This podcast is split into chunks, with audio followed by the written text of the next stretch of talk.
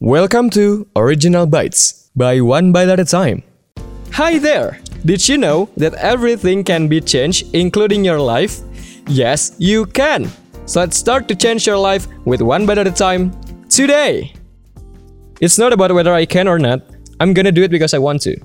And actually, I've been thinking a lot about how people can easily give up, even when they haven't even tried.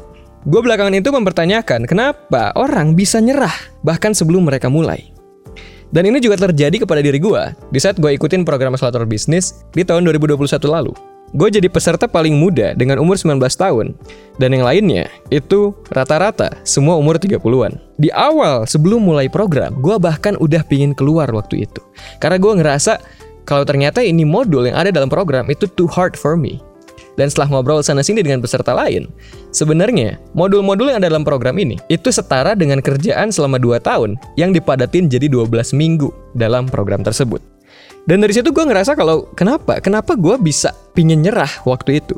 Padahal singkat cerita akhirnya gue laksanain lah, gue ikutin itu program akselerator bisnisnya.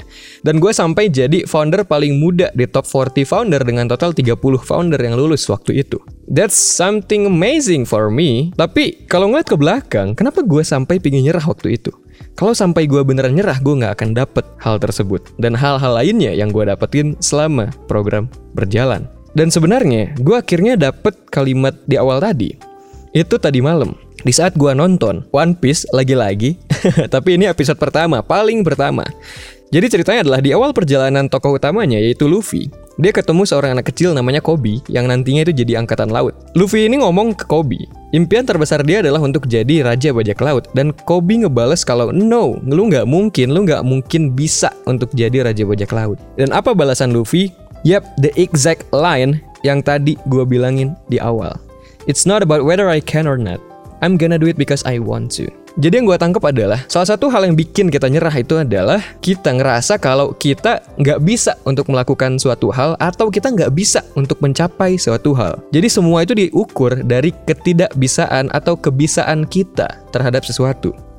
Padahal yang benar adalah how driven you are and how big your desires are seberapa ingin kita untuk mencapai hal tersebut. Dan itulah yang dijadikan bahan bakar selama perjalanan untuk sampai ke sana.